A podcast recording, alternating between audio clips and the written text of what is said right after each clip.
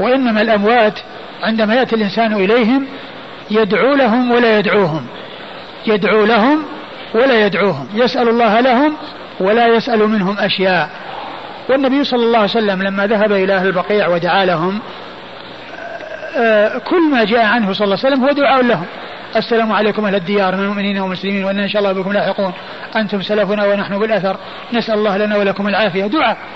فكذلك إذا زار قبر النبي صلى الله عليه وسلم وقبر الصاحبين الكريمين رضي الله عنهما أو زار أي قبر من القبور فإنه يدعو للأموات ولا يدعوهم لأن الدعاء عبادة والعبادة لا تكون لله عز وجل والميت الذي يزار يدعى له ولا يدعى ويسأل الله له ولا يسأل منه شيئا لأن السؤال كله من الله والدعاء إنما يكون يطلب من الله والدعاء نوع من أنواع العبادة وأنواع العبادة يجب أن تكون كلها لله وحده لا شريك له كما قال عز وجل وأن المساجد لله فلا تدعوا مع الله أحدا وقال آه قل إن صلاتي ونسكي ومحياي ومماتي لله رب العالمين لا شريك له وقال عليه الصلاة والسلام الدعاء هو العبادة فدلنا هذا على أن الميت عندما يزار وأن صاحب القبر عندما يزار لا يطلب منه شيء ولا يسأل منه شيء وإنما يسأل الله له. ويطلب من الله له. والنبي صلى الله عليه وسلم عندما يزور الإنسان يسلم عليه ويدعو له. فيقول صلى الله وسلم وبارك عليك وجزاك أفضل ما جزى نبيا عن أمته. هذا دعاء للنبي عليه الصلاة والسلام. لكن ما يقول يا رسول الله مدد يا رسول الله غثني. يا رسول الله أنا أريد زوجة. يا رسول الله أنا أريد ولد. يا رسول الله أنا أريد كذا. يا هذه أمور تطلب من الله عز وجل. وحتى الشفاعة لا يطلبها الإنسان من النبي صلى الله عليه وسلم وإنما يطلبها من الله. فيقول اللهم شفع في نبيك. اللهم اجعلني من الفائزين بشفاعته. اللهم اجعلني من آه، آه، من أتباعه السائرين على نهجه. وهكذا يسأل الله عز وجل أن يوفقه لفعل الخيرات وأن يجنبه الأمور المنكرة التي آه، هي من محدثات الأمور والتي ما أنزل الله بها من سلطان. ما حكم طواف الوداع إذا سافر الحاج بدونه؟ يلزمه فدية. وهي شاة يذبحها بمكة ويوزعها على فقراء الحرم لأنه ترك واجبا من واجبات الحج. وكذلك طواف الإفاضة إذا تركته المرأة بسبب الحيض. ترجع لا بد أن ترجع ولا تعتبر حجت حتى ترجع وتطوف طواف الإفاضة. ولو كانت في أقصى الدنيا لأنه ركن من أركان الحج لا يتم الحج إلا به. لا يطوف أحد عن أحد ولا يعني يجبر به شيء لا بقليل ولا بكثير وإنما لا بد من الإتيان به. وإذا كان سافرت قبل أن تأتي به فتعتبر ما حجت حتى ترجع وتأتي به. وهل تصح الإفاضة في اليوم الرابع عشر؟ نعم تصح.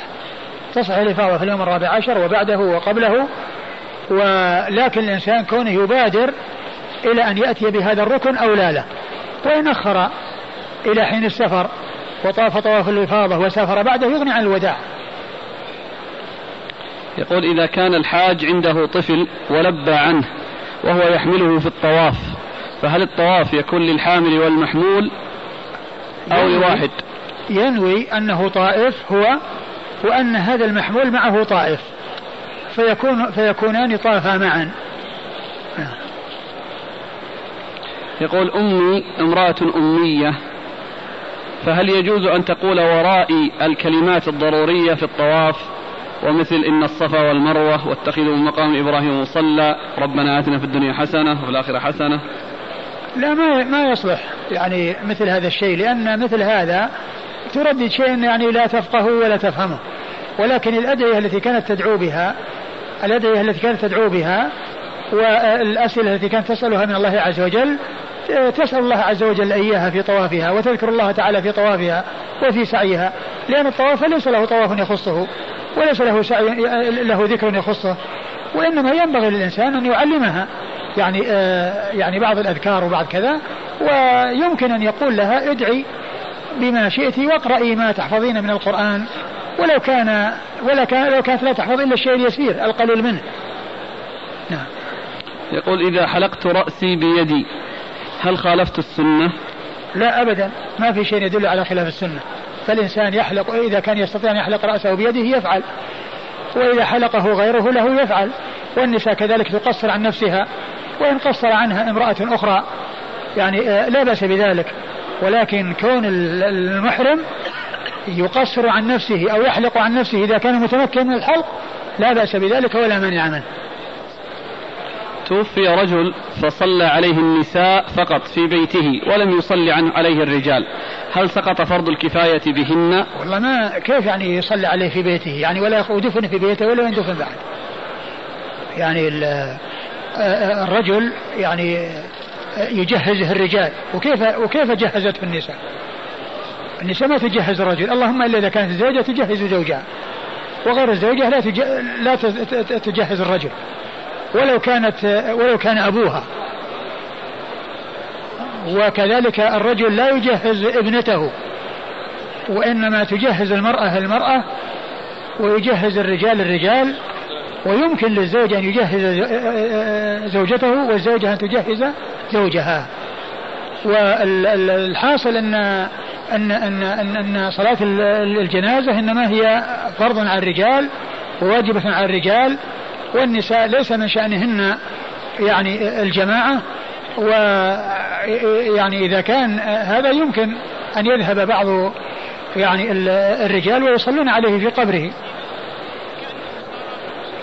رجل عليه دين كبير ومتفرق عند عدة أشخاص لا يستطيع أن يستأذنهم في أن يحج الفريضة فهل يحج دون استئذان؟ معلوم أن الذي يؤدى به الحج. يعني قليل بالنسبة للديون الكثيرة المتفرقة. ولكن كما هو معلوم آه، المقدار الذي سيحج به يمكن أن يوفي به واحد منهم. يمكن أن يوفي به واحدا منهم. فيعني هو أولا ما يحج إلا وقد استأذنهم والأولى له ألا يحج. وأن يوفي بالمقدار الذي سيحج به بعضهم حتى يخف عنه الدين وحتى يقل دينه بدلا من يكون يعني مدين لعدة أشخاص مثلا لثلاثة خليه يصير مدين لإثنين لأن واحدا وفي حقه. ولا يعتبر الإنسان قادرا ما دام أنه ليس عنده القدرة المالية وهو مدين. اللهم إلا إذا كانت الديون هذه مؤجلة ولم تحل وهو يتمكن من أن يوفي عند وقت الأجل فلا بأس أن يحج. ما دام الدين لم يحل. لم يحل. هل يجوز للشخص أن يذهب إلى جدة للزيارة ثم يحرم من الحج منها؟ إذا كانت نية الحج موجودة عنده في المدينة فيجب عليه أن يحرم من المدينة من ميقات المدينة. وإما إن كان ذهابه إلى جدة لا ليس عنده نية حج. وليس عنده عزم الحج ولا يدري هل يحج أو لا يحج فإنه يذهب إلى جدة وإذا جاء وقت الحج أو أنه يعني حصل منه عزم على الحج فإنه يحرم من من جدة. أما إذا كانت نية الحج موجودة عنده في المدينة فيتعين عليه أن يحرم من ميقات المدينة. ولو كان هناك مدة طويلة سيمكثها في جدة. لأنه يمكن أن يمكث عليه إحرامه أو يذهب إلى مكة ويطوف ويسعى ويقصر يعني يكون متمتعا ثم يذهب إلى جدة ويجلس فيها ما شاء الله أن يمكث ثم بعد ذلك يذهب إلى الحج إذا جاء وقت الحج. رجل طلب طلب منه أن يحج عن رجل قد توفي بعد أن أدى الفريضة فريضة الحج ويعطي مبلغا من المال لأداء هذه الفريضة. فهو يريد أن يحج عن هذا الميت بنية خالصة لله عز وجل مع ما يجد في نفسه من احتياجه إلى ما يزيد من هذا المال. ليقوم به على مصالحه كإرساله إلى أهله ومصاريف لهم. فهل عمله هذا صحيح؟ الشيء الذي يعطاه الإنسان ليحج عن غيره هو له سواء يعني آه، على قدر كفايته أو يزيد. يعني له ذلك. ولكن الإنسان إذا كان قادرا على أن يحج بماله فالذي ينبغي له أن يحج بماله ولا يحج عن غيره. وإن كان ليس قادرا على أن يحج بماله ما عنده مال يحج به وأراد أن يحج من أجل أنه آه، آه، أراد أن يأخذ شيئا يحج به عن غيره من أجل أن يحج فإن هذا سائغ. وإنما الذي لا يسوغ كون الإنسان يحج ليأخذ كون الباعث له على الحج المال. وأما إذا كان المال هو باعثا على الحج ولا يستطيع أن يحج بماله ولكن أراد أن يحج ولو بمال غيره عن غيره فإن ذلك سائغ. هذا محمود. من حج ليأخذ هذا مذموم لأن الحج غاية وسيلة والأخذ غاية. لأنه أراد أن يتوسل جعل الحج وسيلة إلى الدنيا. والعكس هو هو, هو الصحيح يعني أخذ ليحج لأنه ليس قادرا على أن يحج بماله فأراد أن يحج ولو كان عن طريق الحج عن الغير لأن هذا محمود لأنه أخذ ليحج وعكسه الذي حج ليأخذ.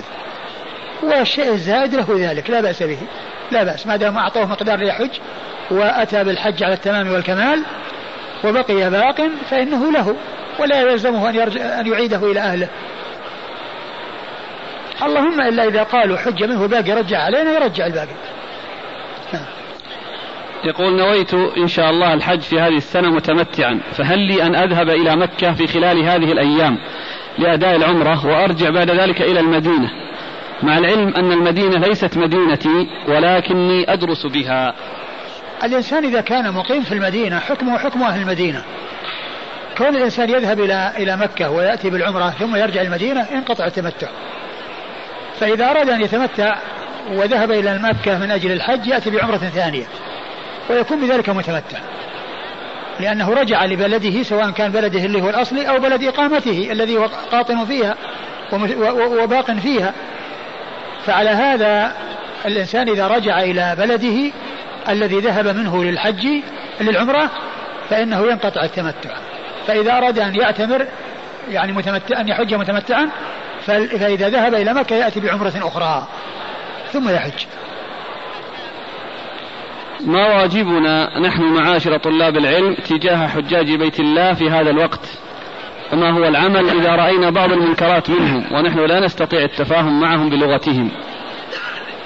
الإنسان يحرص على أن يكون داعية إلى الله على بصيرة وعلى هدى وأن يحرص على نفع إخوانه وتوجيههم وإرشادهم إلى الخير. وهذا أعظم شيء يحصلون عليه وأنفس شيء يظفرون به أن يدلوا على الخير ويؤمروا بالمعروف وينهوا عن المنكر. والإنسان إذا كان يعرف لغة قوم ورأى منهم شيئا يعني لا يصلح وهو يعرف أنه منكر وأنه غير جائز فإن عليه أن ينبههم وأن يفيدهم بلغتهم التي يتخاطبون بها فيبلغهم ويبين لهم أن هذا منكر وأن هذا لا يجوز وأن الواجب هو كذا وكذا فالإنسان يحرص على نفع إخوانه. وأما إذا كان آه، لا يفهم لغته وأمكن أن يتفاهم معه بالإشارة فعل. وإلا آه، آه، رأى أحدا من يفهم ممن يفهم لسانه وأرشده إلى أن ينبه هؤلاء الذين حصل منهم شيء من الخطأ وهو لا يريد أن يتفاهم معهم آه، يطلب من هذا الذي يستطيع التفاهم معهم لكون يعرف لسانهم أن ينبههم على هذا الشيء الذي رأى أنهم فعلوه وهو لا يسوق. ما هو المشروع فعله في زيارة المدينة النبوية؟ المدينة النبوية الإنسان عندما يزورها يشرع له خمسة أمور فقط. الأمر الأول أن يصلي في مسجد النبي صلى الله عليه وسلم. والأمر الثاني أن يسلم على الرسول صلى الله عليه وسلم وعلى صاحبيه أبي بكر وعمر رضي الله تعالى عنهما وأرضاهما. والثالث أن يزور أهل البقيع ويدعو لهم. والرابع أن يزور شهداء أحد ويدعو لهم. والخامس أن يصلي في مسجد قباء أن يذهب إلى مسجد قباء ويصلي فيه. هذه أمور خمسة مشروعة في هذه المدينة. زيارة مسجدين هما مسجد النبي صلى الله عليه وسلم وقباء وزيارة ثلاث مقابر هي قبر النبي صلى الله عليه وسلم والصاحبين الكريمين وزيارة البقيع وزيارة شهداء أحد وما سوى ذلك فإنه لا يزار. وليس في, المدينة أماكن تزار شرعا إلا هذه الأماكن الخمسة التي أشرت إليها. رجل يمتلك المال الكثير فوقف بعرفة وترك الرمي والمبيت عمدا بحجة أنه يستطيع دفع الفدية. هذا من التلاعب في الحج. والإنسان عندما يأتي للحج يأتي به كما هو مطلوب منه. ومعلوم أن الحج مدته وجيزة. وجيزة جدا قليلة جدا ما تبلغ أسبوعا كاملا أقل من أسبوع. لأن الحج يبدأ يوم ثمانية ويمكن أيضا حتى لو ذهب يوم ثمانية ما يؤثر يوم عرفة. يوم عرفة ويوم العيد ويوم 11 و12 أربعة أيام فقط. الحج يكون بأربعة أيام. وإذا تعجل بعد الزوال من يوم الثاني عشر يرمي ويمشي يودع ويمشي أما كونه يقف بعرفة ويعني يتجاوز ثم يترك الرمي ويترك المبيت ويترك الوداع ويترك يعني هذه الأشياء هذا من التلاعب بالحج. والإنسان يأثم لكونه فعل هذه الأمور وترك هذه الواجبات كونه تركها تعمدا يأثم ويجب عليه الفدية تجب عليه الفدية ولكنه حصل الإثم. لأنه تعمد فعل الأمر الذي لا يسوغ ولا يجوز. يقول ما حكم الحاج وهو يطوف بالبيت حصل له أن خرجت بعض النقط من البول فنقض وضوءه. هل إذا خرج وجدد الوضوء يبدأ من أول الطواف أو يبني؟ الذي يبدو ويظهر أنه إذا إذا حصل نقض الوضوء أنه يرجع أنه يخرج ويتوضأ ثم يرجع ويستأنف من جديد لأن الطواف مثل الصلاة. والإنسان إذا إذا حصل شيء في الصلاة فإنه يستأنفها. إذا انتقض وضوءه فيها يتوضأ ويستأنفها فكذلك الطواف.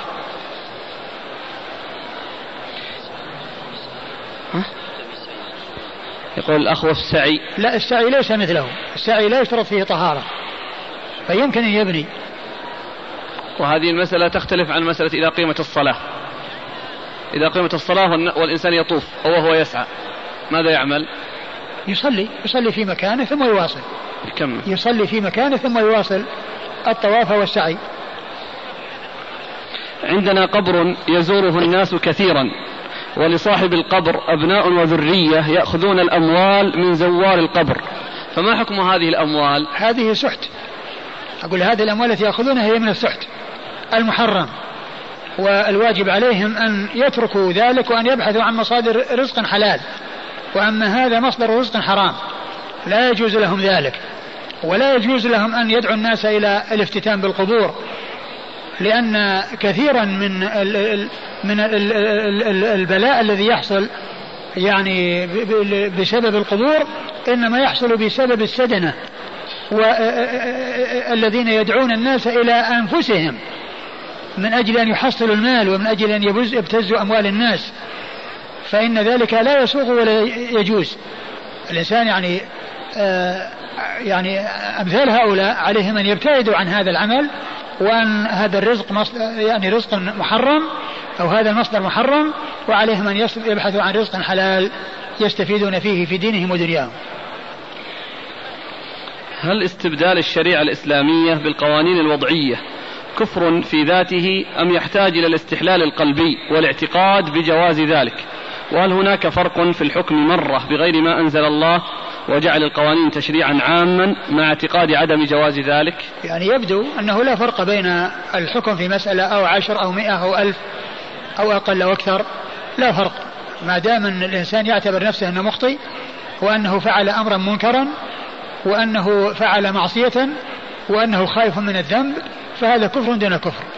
وأما مع الاستحلال وأما مع الاستحلال ولو كان في مسألة واحدة ولو كان في مسألة واحدة يستحل فيها الحكم بغير ما أنزل الله ويعتبر نفسه حلال فإنه يكون كفرا. ما رأيكم؟ أظن ننتهي خلاص. طيب جزاكم الله خير وبارك الله فيكم ونفعنا الله بما قلت. قال الإمام أبو داود السجستاني رحمه الله تعالى باب تحريم حرم مكة. قال حدثنا أحمد بن حنبل قال حدثنا الوليد بن مسلم قال حدثنا الأوزاعي قال حدثني يحيى, يحيى يعني ابن أبي كثير عن أبي سلمة عن أبي هريرة رضي الله عنه أنه قال لما فتح الله تعالى على رسول الله صلى الله عليه وعلى آله وسلم مكة قام رسول الله صلى الله عليه وعلى آله وسلم فيهم.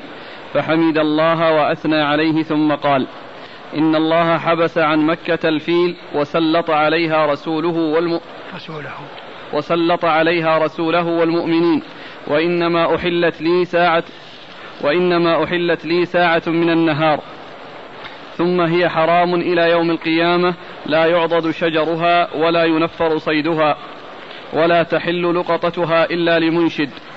قال عباس رضي الله عنه أو قال قال العباس يا رسول الله إلا الإذخر فإنه لقبورنا وبيوتنا.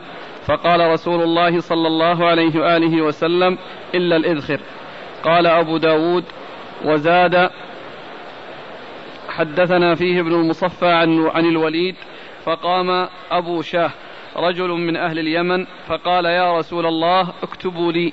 فقال رسول الله صلى الله عليه وآله وسلم اكتبوا لأبي شاه. قلت للأوزاعي ما قوله؟ اكتبوا لأبي شاه. قال هذه الخطبة التي سمعها من رسول الله صلى الله عليه وآله وسلم. بسم الله الرحمن الرحيم. الحمد لله رب العالمين وصلى الله وسلم وبارك على عبده ورسوله نبينا محمد وعلى آله وأصحابه أجمعين. أما بعد يقول الإمام أبو داود السجستاني رحمه الله تعالى باب تحريم حرم مكة. هذه الترجمة فيها ذكر جملة من النصوص الدالة على تحريم مكة وأنها حرم. وقد آه، جاء تحريم حرمين اثنين هما مكة والمدينة فإنهما, فإنهما حرمان.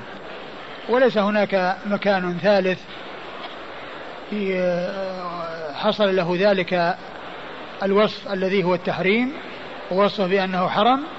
إلا هذين المكانين مكة والمدينة. فمكة حرم والمدينة حرم وغيرهما لا لم يأتي شيء يدل على عليه. وإنما التحريم خاص بهذين البلدين المقدسين مكة والمدينة. والترجمة تتعلق بتحريم حرم مكة. وقد جاء فيها حديث كثيرة أورد أبو داود منها حديث أبي هريرة رضي الله عنه. أن النبي صلى الله عليه وسلم خطب الناس بعد أن فتح الله عليه مكة ودخلها فاتحا وكانت مكة فتحت عنوة وليس صلحا بينه وبين المشركين وقد دخل صلى الله عليه وسلم وعلى, وعلى رأسه المغفر. وخطب الناس وقال إن الله حبس عن مكة الفيل. كما جاء في سورة الفيل. وسلط عليها نبيه والمؤمنين. سلط عليها رسوله والمؤمنين. يعني مكنهم من ولايتها والتغلب على أهلها. وإن وإنها لم تحل لأحد قبلي ولن تحل لأحد بعدي. وإنما أحلت لي ساعة من نهار. وفي بعض الأحاديث وقد جاءت وقد عادت حرمتها باليوم كما عادت حرمتها بالأمس. فهي حرام إلى يوم القيامة. لا يقطع شوكها. لا يعضد شوكها ولا يقطع. لا يعضد لا يعضد لا يعضد شجرها. لا يعضد شجرها. أي لا يقطع. ولا ينفر صيدها. يعني معناه أنه لا يزعج ولا ولا آه، يحصل شيء يزعجه وينفره ويجعله يشرد وإنما هو آمن ومن دخله كان آمنا. فلا ينفر صيده. وإذا كان التنفير ممنوعا منه فإن القتل من باب أولى. فلا يقتل الصيد بل ولا ينفر الذي هو مجرد التنفير. لو كان آه، مثل ما مثل ما جاء عن أبي هريرة رضي الله عنه فيما يتعلق بحرم المدينة لو وجدت الظباء ترتع لما نفرتها أو لما ازعج لما زجرتها لأن النبي صلى الله عليه وسلم قال المدينة حرم. فالقتل من باب أولى أن يكون الصيد لا يصاد هو من باب أولى. والله عز وجل جعل الصيد إذا دخل مكة وكذلك المدينة يكون امنا وجعل له من الغذاء ما يتغذى به حيث حرم قطع الشجر وقطع النبات حتى يكون ذلك الصيد عندما يدخل المكان الآمن عنده قوته وعنده آه، الشيء الذي يرعاه. ولو قطع الشجر وصارت الأرض جرداء فإن الصيد لا يبقى وإنما يذهب عن يبحث عن الرعي ويذهب عن القوت والطعام. فجاءت الشريعة بكون الصيد يكون آمنا وبكون قوته يكون موجودا عنده و ولا تلتقط لقطتها إلا لمنشد أي لمن ينشدها أبدا. يعني يستمر على نشدتها وعلى التعريف بها. وعلى التعريف بها. وذلك أن اللقطة إذا فقدت في مكة ومكة يتردد عليها الناس للحج في كل عام آه، ميزت على غيرها بأن لقطتها لا تكون كلقطة غيرها أنها تعرف سنة ثم يملكها ثم يستفيد منها من من آه، عرفها و بل إنها تعرف دائما. وذلك أن صاحبها قد يأتي في حجة أخرى أو في حجة ثانية أو ثالثة وهكذا. فهي لا لا تملك لقطتها كما أو لا يستفاد من لقطتها كما يستفاد منها في الأماكن الأخرى التي هي غير مكة. ولا تحل لقطتها إلا لمنشد. و قال العباس يا رسول الله قال العباس يا رسول الله الا الاذخر يعني هذا تلقيم استثناء.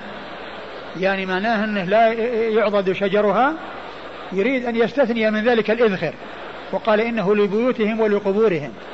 يعني لبيوتهم لأنه آه، آه، آه، نبت له رائحة طيبة ويكون في البيوت يجعلونه يعني فوق الخشب أو فوق تسكر به الأماكن التي تكون بين تكون بين بين الأخشاب عندما يسقف بها.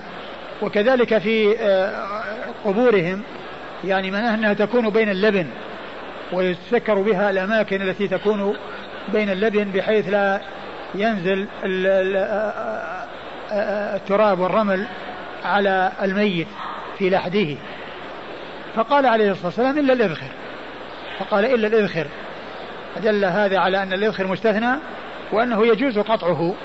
كما جاءت بذلك السنة عن رسول الله صلى الله عليه وسلم. ثم إن رجلا من أهل اليمن يقال له أبو شاه قالوا اكتبوا لي. فقال النبي صلى الله, عليه وسلم اكتبوا لأبي شاه. والمقصود بذلك كتابة هذه الخطبة التي سمعها فأراد أن تكتب حتى تكون معه وحتى يذهب بها إلى أهله في اليمن. وهذا الحديث يدل على تحريم مكة وأنها حرم حرمه الله عز وجل. وقد جاءت الأحاديث في تحريم المدينة ويدل على أن فتح مكة كان كان عنوة وأنه ليس صلحا بينه وبين الكفار. وأن وأن هذا الحل الذي حصل له صلى الله عليه وسلم إنما هو مستثنى.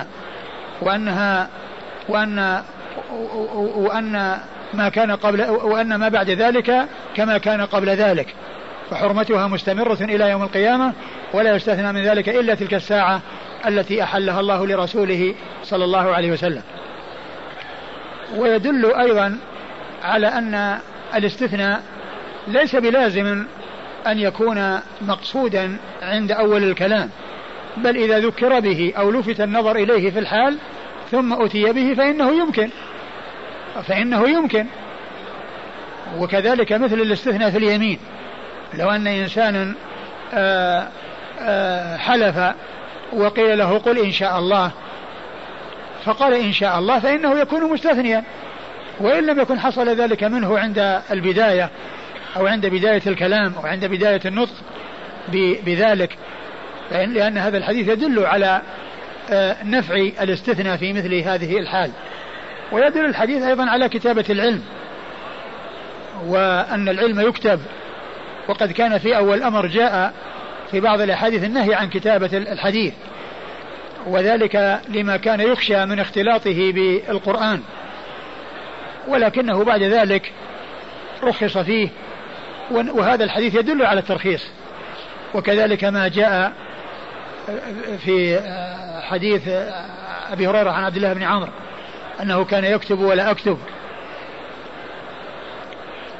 و ثم بعد ذلك أجمع واتفق على استحباب كتابة العلم وأن ذلك أمر مطلوب وذلك أن القرآن قد حفظ وميز عن غيره فلا يكون هناك التباس بين القرآن وبين غيره لأن القرآن قد حفظ ودون وعرف من أوله إلى آخره فلا يختلط به شيء من السنة فاتفق العلماء على استحباب كتابة العلم وعلى الاشتغال بالعلم كتابة وحفظا.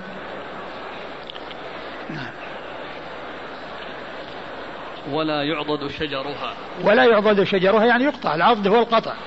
العضد هو القطع. والشجر الذي يعضد هو الذي نبته الله عز وجل. وأما الشيء الذي ينبته الناس الناس إذا نبتوا شيئا لأنفسهم فإنهم يستفيدون منه ويستعملونه ولا يمنعون منه.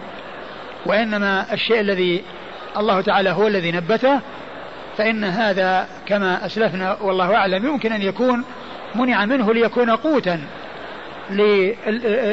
للصيد الذي إذا دخل الحرم كان آمنا طيب المرعى الدواب.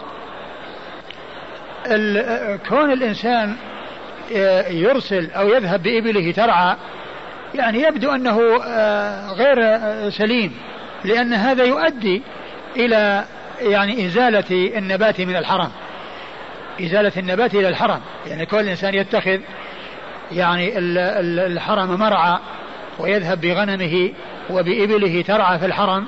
معنى أن معنى هذا أنه يؤدي إلى القضاء.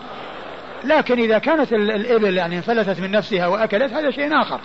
وأما كل إنسان يقصد ويتعمد آه، الرعي في الحرم لأن هذا وسيلة إلى آه، تخلية الحرم من النبات ويكون الصيد الذي آه، يدخل الحرم ويكون آمنا لا يجد شيئا يقتاته ويأكله. وكفارته من فعل ذلك. قطع شجر الحرام. ما أذكر ما أذكر. ولا تحل لقطتها إلا لمنشد. يعني كما تعلمون أنه حد اللقطة. قد يجري شيء شيء لا الشيء اليسير الشيء اليسير التافه مثل الريال والريالين والسكين والمقص وما إلى ذلك من الأشياء التافهة. هذه يأخذها الإنسان ولا ولا يحتاج إلى تحتاج إلى تعريف. وإنما الشيء الذي له شأن وله مكان وله وزن في النفوس هذا هو الذي يوصف بأنه لقطة. تنشد وإذا كانت في غير الحرم لمدة سنة ثم يستفيد منها صاحبها الذي عرفها وفي غير الحرم تعرف دائما. وفي الحرم تعرف دائما. نعم. طالب الكتاب أبو شاه. يمكن. اللي هو أبو شاه نعم. يعني يدل هذا. أقول هذا يفهم منه يعني لا يكتب لهذا قال اكتبوا لي. قال حدثنا أحمد بن حنبل. أحمد بن حنبل أحمد بن محمد أحمد بن محمد بن حنبل الشيباني الإمام المشهور أحد أصحاب المذاهب الأربعة المشهورة مذاهب أهل السنة وحديثه أخرجه أصحاب الكتب الستة. عن الوليد بن مسلم الوليد بن مسلم الدمشقي ثقة أخرجه أصحاب الكتب الستة. عن الأوزاعي الأوزاعي عبد الرحمن بن عمرو الأوزاعي ثقة أخرج له أصحاب الكتب الستة. عن يحيى يعني بن أبي كثير يحيى بن أبي كثير اليمامي ثقة أخرج له أصحاب الكتب الستة. عن أبي سلمة عن أبي سلمة بن عبد الرحمن بن عوف المدني ثقة أخرج له أصحاب الكتب الستة. عن أبي هريرة عن أبي هريرة عبد الرحمن بن صخر الدوسي صاحب رسول الله صلى الله عليه وسلم وأكثر أصحابه حديثا على الإطلاق رضي الله عنه وأرضاه رضي الله عنه وأرضاه. في حديث آه، وعدنا بأن نذكر الشيء الذي نقف عليه حوله وهو حديث أم سلمة رضي الله عنها في قضية آه، الإنسان إذا لم يطف طواف الإفاضة قبل غروب الشمس يوم النحر فإنه يعود إلى إحرامه ويعود إلى هيئته كما كان عليه قبل رمي الجمرة حتى يطوف بالبيت. أولا ذكرنا عرفنا فيما مضى أن الحديث فيه رجل متكلم فيه وهو مقبول.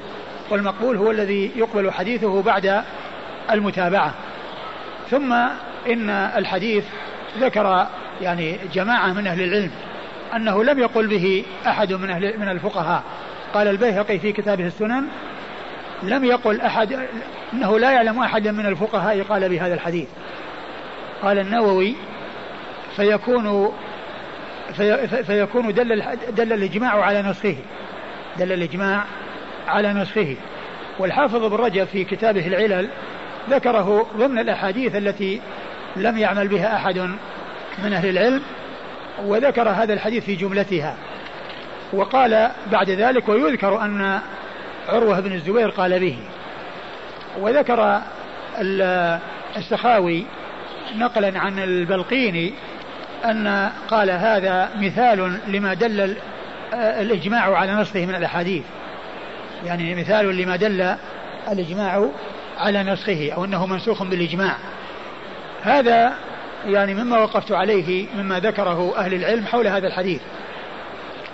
ثم إنه من حيث المعنى يترتب عليه أن الإنسان إذا كان سيعود إلى ما كان عليه قبل الرمي معنى ذلك أنه سيرجع إلى التلبية لأن الإنسان يلبي حتى يرمي جمرة العقبة. والآن آه، سيرجع الحال إلى ما كان عليه قبل رمي جمرة العقبة. ثم أيضا يترتب على ذلك لو أن إنسانا جامع يعني في يعني في ذلك الوقت ومعناها التحلل الأول كأنه ما وجد كأنه ذهب يترتب على ذلك أن الإنسان جامع بعد قبل التحلل الأول. وإذا جامع قبل التحلل الأول يفسد حجه ويلزمه أن يتمه فاسدا ويلزمه بدنه ويحج من من قابل ويحج من قابل. يعني هذا قد يترتب على على على هذا المعنى. يعني كون ال ال التحلل يعني انتهى وأنه رجع إلى ما كان عليه قبل التحلل قبل قبل رمي جمرة العقبة. هذا هو الذي أمكنني الوقوف عليه والله تعالى أعلم نعم. وقفتم على كلام الشيخ ناصر ها؟ أقول وقفتم على كلام الشيخ ناصر رحمه الله فين؟ ناصر في كتاب مناسك الحج والعمرة وش قال؟ تصحيحه أن نعم وصححه حتى وحتى ابن القيم يعني يعني يفهم من كلامه أنه محفوظ أنه محفوظ يعني يعني في تهذيب السنن لكن يعني هذا الذي قاله البيهقي في السنن أنه لا يعلم أحد من الفقهاء قال به وأيضا يترتب عليه هذه الأمور التي أشرت إليها. وأيضا فيه هذا الشخص الذي هو مقبول.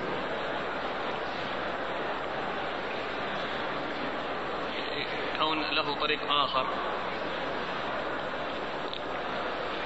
آه إذا كان له طريق آخر فهو يتقوى بها لكن ال- الذين قالوا بهذا الكلام وأنه منسوخ وأنه كذا يعني معناه أنه بعد ثبوته. يعني بعد يعني أنه ثابت أما إذا كان غير ثابت يعني معناه وجوده مثل عدم. يعني هذا الكلام الذي قالوه يعني على اعتبار أنه ثابت.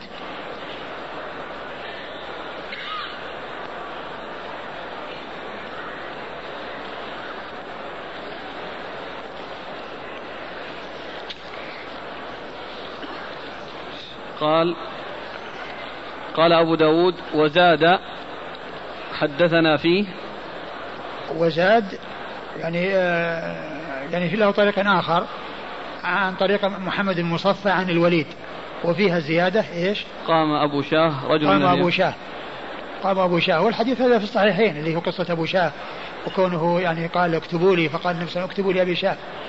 نعم. ابن المصفى المصفى محمد المصفى صدوق له أوهام. له أوهام أخرج حديثه. أبو داود النسائي بن ماجه. أبو داود النسائي بن ماجه. قال حدثنا عثمان بن أبي شيبة قال حدثنا جرير عن منصور عن مجاهد عن طاووس عن ابن عباس رضي الله عنهما في هذه القصة. قال ولا يختلى خلاها. وأورد الحديث من طريق أخرى وقال ولا يختلى خلاها. يعني لا يقطع آه، آه، يعني الحشيش الرطب.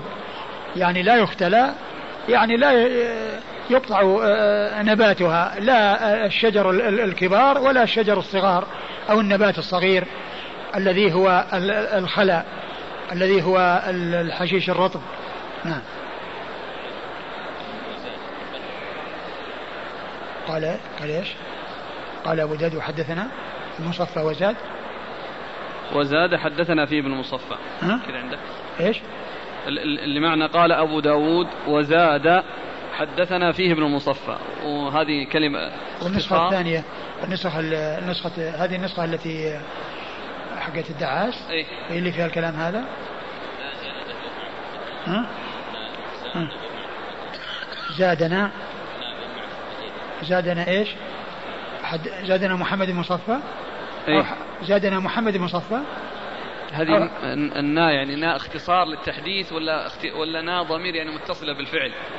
زادنا ها؟ اي بس هو حاط واضع نا بين معكوفتين. أيوه. فهل نا هذه اختصار؟ وش بعدنا؟ فيه ابن المصفى. وزادنا فيه ابن المصفى؟ ما في حدثنا أنا أقول يا شيخ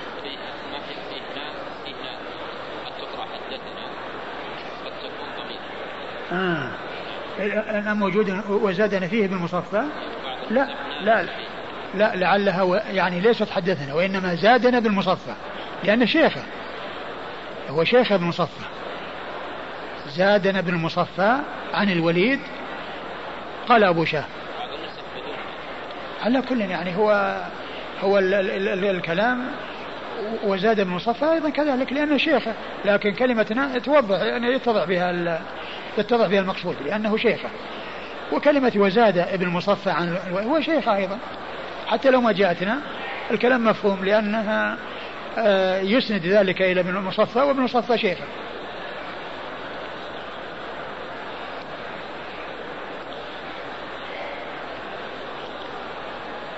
هنا قال ولا يختلى خلاها قلتم الخلاء أي شيخ؟ الحشيش الرطب النبات قال حدثنا عثمان بن أبي شيبة عثمان بن أبي شيبة ثقة اخرجه البخاري ومسلم وأبو داود والنسائي في عمل اليوم والليلة وابن ماجه. عن جرير عن جرير بن عبد الحميد الضبي الكوفي ثقة أخرجه أصحاب كتب الستة. عن منصور عن منصور بن المعتمر ثقة أخرجه أصحاب كتب الستة.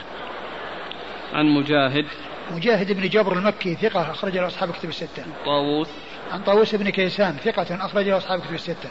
عن ابن عباس عن ابن عباس عبد الله بن عباس بن عبد المطلب ابن عم النبي عليه الصلاة والسلام وأحد السبعة وأحد العباد له الأربعة من الصحابة وأحد السبعة المعروفين بكثرة الحديث عن النبي صلى الله عليه وسلم.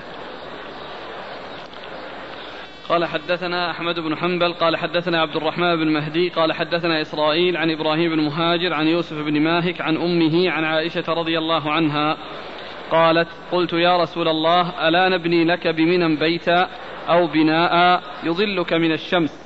فقال لا إنما هو مناخ من سبق.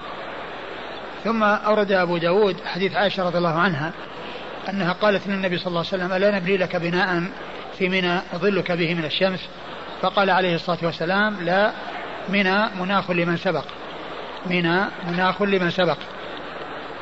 هذا الحديث آه، يدل على أن منى يعني الحق فيها للسابق وأن من سبق إلى مكان منها فهو أحق به من غيره فهو أحق به من غيره. و آه، والحديث يعني آه، تكلم في إسناده والألباني ضعفه وابن القيم حسنه في آه، تهذيب السنن و و ومعناه صحيح من جهة أن من سبق إلى مكان يعني وسبق إليه فهو حق به. ليس لأحد أن يقيمه من مكانه الذي هو فيه. لأن كونه يأتي إنسان ثم يأتي إنسان بعده ويقيمه من مكانه ويجلس فيه هذا ليس بلائق. فمعناه صحيح من جهة أن السابق إلى مكان هو أحق به والأشياء المباحة والأشياء التي هي للناس عموما إذا سبق أحد إلى شيء منها فإن, فإن له ذلك فهو من حيث المعنى صحيح. ولكن من حيث الإسناد فيه كلام من جهة إبراهيم المهاجر ومن جهة أم آه، يوسف بن ماهك. نعم. أم يوسف بن ماهك. نعم. قال حدثنا أحمد بن حنبل. أحمد بن حنبل أحمد بن حنبل مر ذكره. عن عبد الرحمن بن مهدي. عبد الرحمن بن مهدي ثقة أخرجه أصحاب كتب الستة. عن إسرائيل. عن إسرائيل بن يونس بن أبي إسحاق وهو ثقة أخرجه أصحاب كتب الستة. عن إبراهيم بن مهاجر. عن إبراهيم مهاجر وهو صدوق لين الحفظ. نعم. لين الحفظ أخرج له مسلم وأصحاب السنن. مسلم وأصحاب السنن. عن يوسف بن ماهك. عن يوسف بن ماهك وهو ثقة أخرج له أصحاب الكتب. نعم. أخرج له أصحاب الكتب الستة. عن أمه. عن أمه وهي لا تعرف. أخرج حديثها. أخرجها أبو أبو داود الترمذي وابن ماجه. أبو داود والترمذي وابن ماجه. لا لكن لا يعرف حالها أما اسمها معروف. نعم لا, لا يعرف حالها نعم. يعني مجهولة. يعني لا تعرف يعني مجهولة. يعني مجهولة الحال. نعم. واسمها؟ اسمها مسيكة عن عائشة. عن عائشة أم المؤمنين رضي الله عنها وأرضاها الصديقة بنت الصديق وهي آه، من أوعية السنة وحفظتها وواحدة آه، من سبعة أشخاص عرفوا بكثرة الحديث عن النبي صلى الله عليه وسلم. هل في الحديث دليل على عدم جواز البناء في ميناء؟ نعم. يدل ذلك الحديث على هذا. قال رحمه الله تعالى قال حدثنا الحسن بن علي قال حدثنا أبو عاصم عن جعفر بن يحيى بن ثوبان قال أخبرني عمارة بن ثوبان قال حدثني موسى بن باذان قال أتيت يعلى بن أمية رضي الله عنه فقال إن رسول الله صلى الله عليه وآله وسلم قال احتكار الطعام في الحرم إلحاد فيه. ثم ورد أبو داود حديث يعلى بن أمية رضي الله عنه.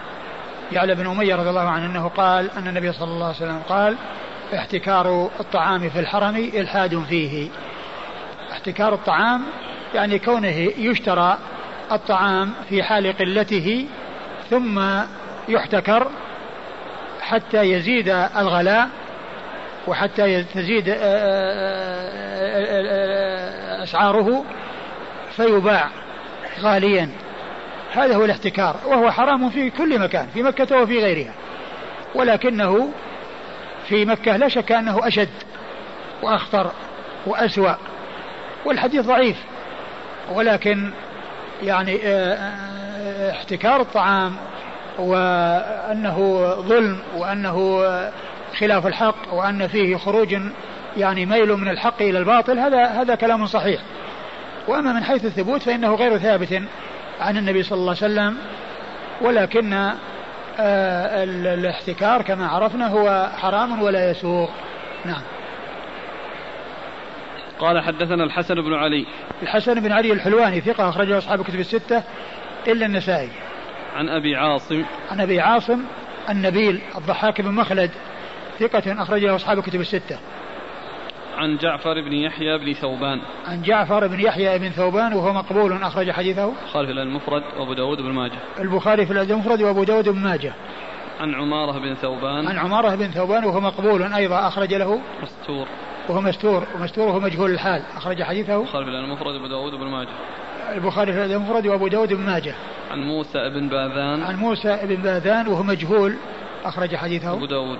أبو داود. عن يعلى بن أمية. عن يعلى ابن أمية صاحب رسول الله صلى الله عليه وسلم وحديثه أخرجه أصحاب الكتب الستة. ففي ثلاثة آه يعني متكلم فيهم. فيهم مجهول الحال ومجهول العين ومجهول الحال الذي هو المستور وفيهم المقبول الذي لا يقبل حديثه إلا إذا اعتضد لو لم يكن فيه إلا هو.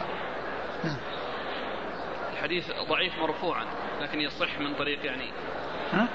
الحديث ضعيف مرفوعا.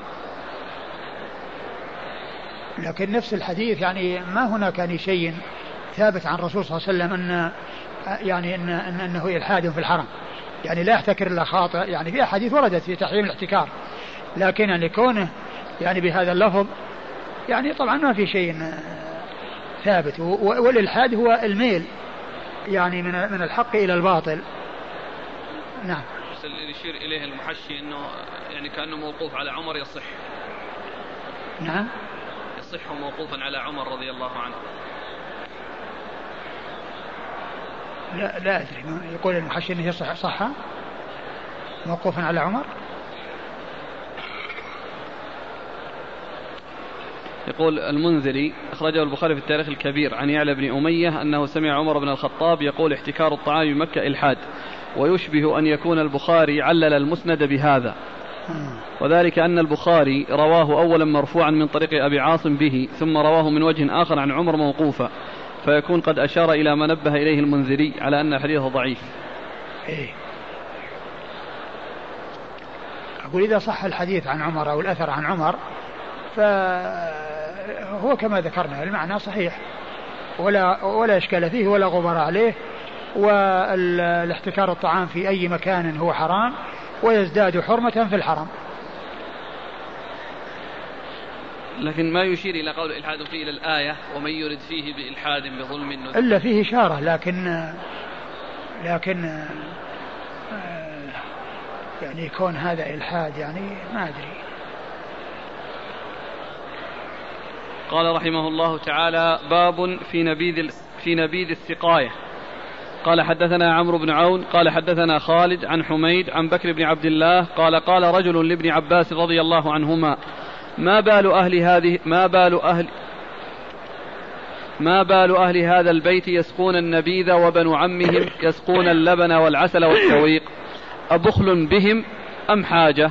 فقال ابن عباس ما بنا من بخل ولا بنا من حاجة.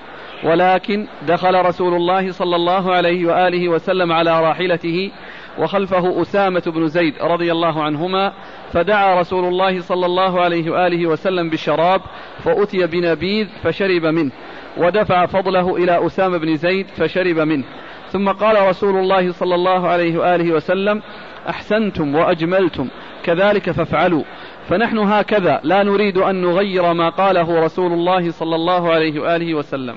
ثم ورد أبو داود رحمه الله النبيذ في السقاية يعني في سقاية الحجاج. والنبيذ هو آه، آه، زبيب أو تمر يعني ينبذ يعني في الماء ويكون في أحواض آه، يكون طعمه فيه حلاوة ولا يبقى مدة حتى يصل إلى حد الإسكار. لأنه إذا مكث مدة طويلة وبلغ إلى حد الإسكار يكون محرما لكونه مسكرا. وهذا هو النبيذ الذي يعني يقاس النبيذ على الخمر يعني في التحريم للإسكار. ف قبل أن يصل إلى حد الإسكار وما دام المدة يسيرة فإنه يحلو به الماء ويكون طعمه حلوا وشربه سائغا ولكنه إذا مكث وصل إلى حد الإسكار يكون حراما. لا يجوز استعماله. فالنبيذ نبيذان. نبيذ محرم وهو الذي وصل إلى حد الإسكار. ونبيذ لم يصل إلى حد الإسكار فإنه يكون حلالا ويكون مباحا. فهذا هو النبيذ. ولهذا يعني يذكر النبيذ آه، يعني فيما يتعلق بالحلال وفيما يتعلق بالحرام. ولهذا ذكروا في قصة عمر رضي الله عنه لما طعن كانوا يسقونه النبيذ فيخرج من جوفه. يعني النبيذ الذي هو تمر الماء الذي وضع فيه تمر يحليه. فكان يشربه ويخرج من جوفه. فإذا النبيذ نبيذان. نبيذ لم يصل إلى حد الإسكار فهو مباح. ونبيذ وصل إلى حد الإسكار فإنه يكون حراما للإسكار. آه، أورد أبو داود حديث ابن عباس. وأنه جاء رجل نعم قال رجل ما بال أهل هذا البيت؟ ما بال أهل هذا البيت؟ يعني بيت العباس الذين هم أهل السقاية. الذين هم أهل السقاية. إيش قال؟ يسقون النبيذ وبنو عمهم يسقون اللبن والعسل والسويق. يسقون النبيذ وبنو عمهم يسقون اللبن والعسل والسويق. أبخل أم حاجة؟ نعم. أبخل أم حاجة. يعني أبخل مع وجود المال أو حاجة لأن المال غير موجود وأن هذا هو الذي يستطيعونه. فقال ليس هذا ولا هذا ولكن النبي صلى الله عليه وسلم جاء وراكب على دابته وخلفه أسامة فناولوه منه فشرب منه وأعطى أسامة الفضلة فشربها وقال قد أحسنتم وأجملتم آه، هكذا فافعلوا. فنحن آه، نكون إيش على؟ فنحن هكذا لا نريد أن نغير. فنحن هكذا لا نريد أن نغير شيئا. نغير ما قاله رسول الله. نغير ما قاله رسول الله صلى الله عليه وسلم. نعم. ما أدري عن صحة يعني أن العباس كانوا يفعلون ذلك لأن زمزم فيه شيء من الملوحة. فهم يضعون هذا ليذهبوا بهذه الملوحة التي في الماء. لأن العرب كانت تستعذب الماء. بس ما ما أدري يعني هل هذا هو السبب أو أن المقصود منه يعني يعني زيادة الإحسان يعني في يعني تقديم يعني شيء حلو. وكما هو معلوم يعني ماء زمزم يعني وإن لم يوضع فيه شيء هو مياه هو ماء طيب وشراب يعني مبارك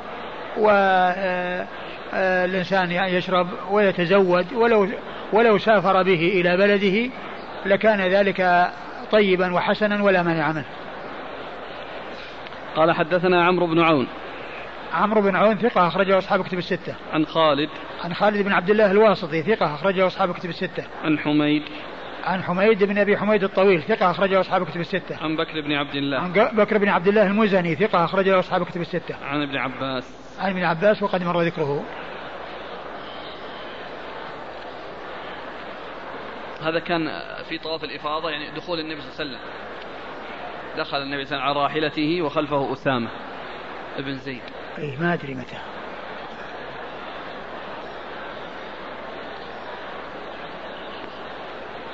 قال رحمه الله تعالى باب الإقامة بمكة.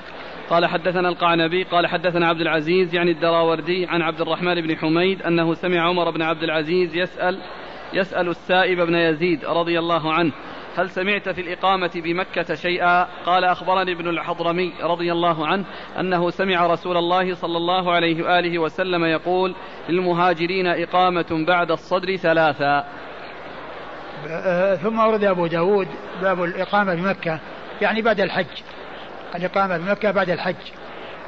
وذكر فيه حديث العلاء بن الحضرمي رضي الله عنه أن النبي صلى الله عليه وسلم قال للمهاجرين آه، إقامة بمكة بعد الصدر ثلاثا.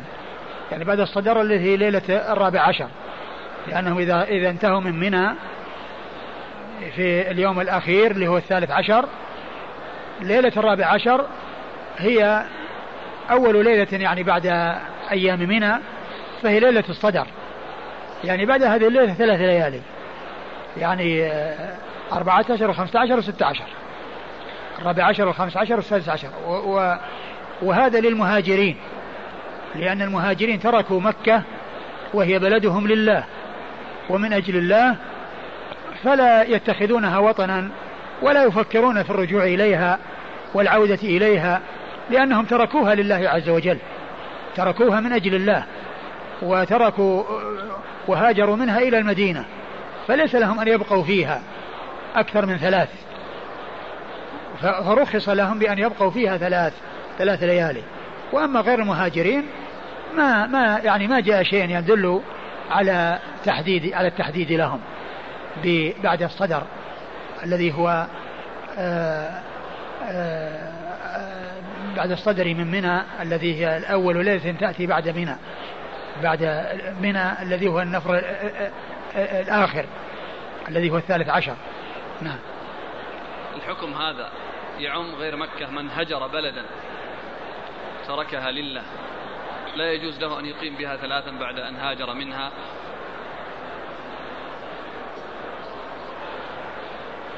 آه يعني يبدو أن الكلام هذا يخص مكة.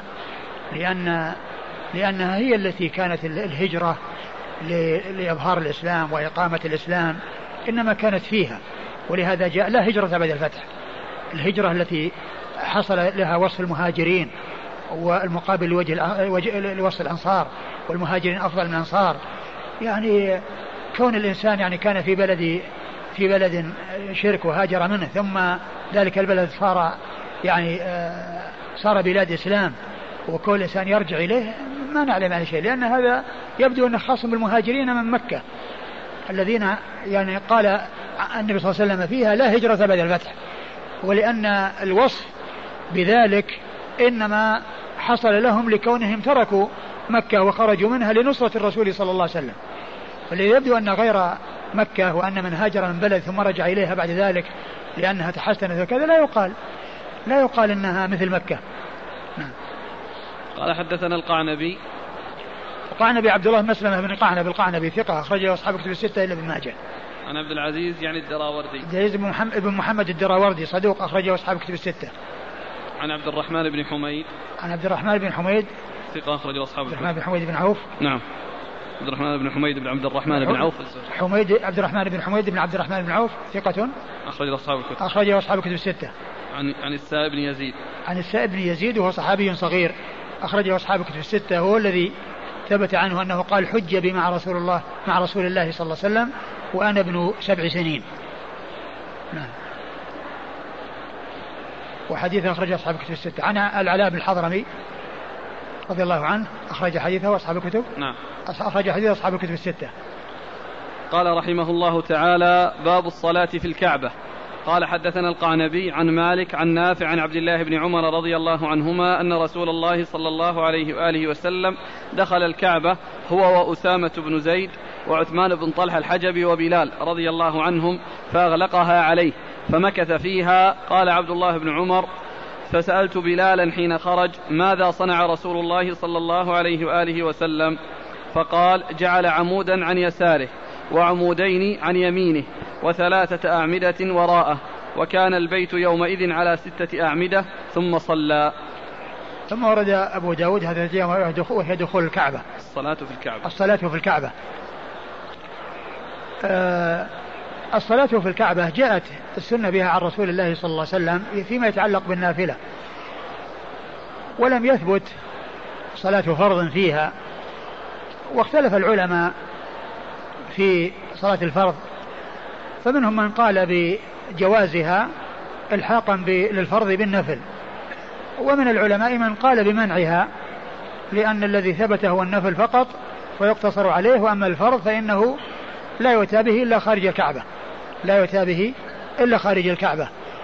وقد أورد أبو داود رحمه الله حديث ابن عمر. حديث ابن عمر رضي الله تعالى عنهما أن النبي عليه الصلاة والسلام دخل الكعبة ومعه آه، أسامة بن زيد وعثمان بن وعثمان بن طلحة وبلال. فأغلقوا عليهم الباب. يعني أغلق عثمان بن طلحة الذي هو الحجبي الباب ولعل إغلاق الباب قيل لعله حتى لا يعني يدخل الناس ويحصل الزحام يعني فيها فدخلوا وأغلقوا الباب. فلما إيش قال؟ فمكث فيها. قال عبد الله بن عمر فسألت بلالا حين خرج ماذا صنع رسول الله صلى الله عليه وسلم؟ يعني مكث فيها رسول الله صلى الله عليه وسلم. بعد ما دخلوا ما هو دخول يعني يصير على طول دخل وخرج. يعني حصل يعني شيء من الزمن مكث فيها. فعمر ابن عمر رضي الله عنه لحرصه على آه، معرفة أفعال الرسول صلى الله عليه وسلم سأل ماذا صنع؟ ماذا صنع؟ يعني في الكعبة هذه المدة التي دخل فيها الكعبة ماذا صنع فيها؟ فقال إنه جعل عمودا عن يساره وعمودين عن يمينه وثلاث أعمدة وراءه وصلى. وكان البيت على ستة أعمدة.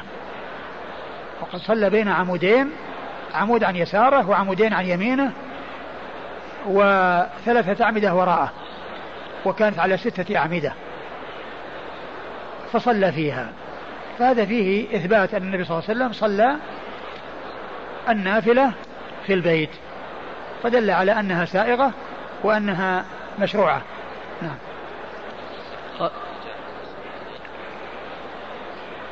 ما أدري لكن ما يبعد أن يكون يعني الباب وراءه. كما هو معلوم في آخرها من من جهة الجنوب. والكعبة كلها يعني يعني اتجاه إلى جهة الشمال إلى جهة الحجر. وما دام أنه ترك عمودين عن يساره وعمود عن واحد عن يمينه إيش معنى هذا؟ أنه كان لعله يعني مقابل للباب أو أو يعني يعني متقدم عن الباب يعني شيء قليل لأنه يعني فيه عمود. يعني تركت على اليسار. عمود تركت على اليسار. ومعنى هذا انه ما قال ثلاثة وراءه. يعني فمعنى هذا إنه يعني ما هو مستقبل الباب إنه يعني إلى جهة أخرى والله أعلم. نعم. قال حدثنا القعنبي عن مالك. القعنبي مر ذكره مالك هو بن أنس إمام دار الهجرة المحدث الفقيه الامام المشهور أحد أصحاب المذاهب الأربعة المشهورة مذاهب أهل السنة وحديثه أخرجه أصحاب الكتب الستة. عن نافع عن نافع مو... آه... نافع مولى بن عمر ثقة أخرجه أصحاب الكتب الستة. عن عبد الله بن عمر. عن عبد الله بن عمر وقد مر ذكره.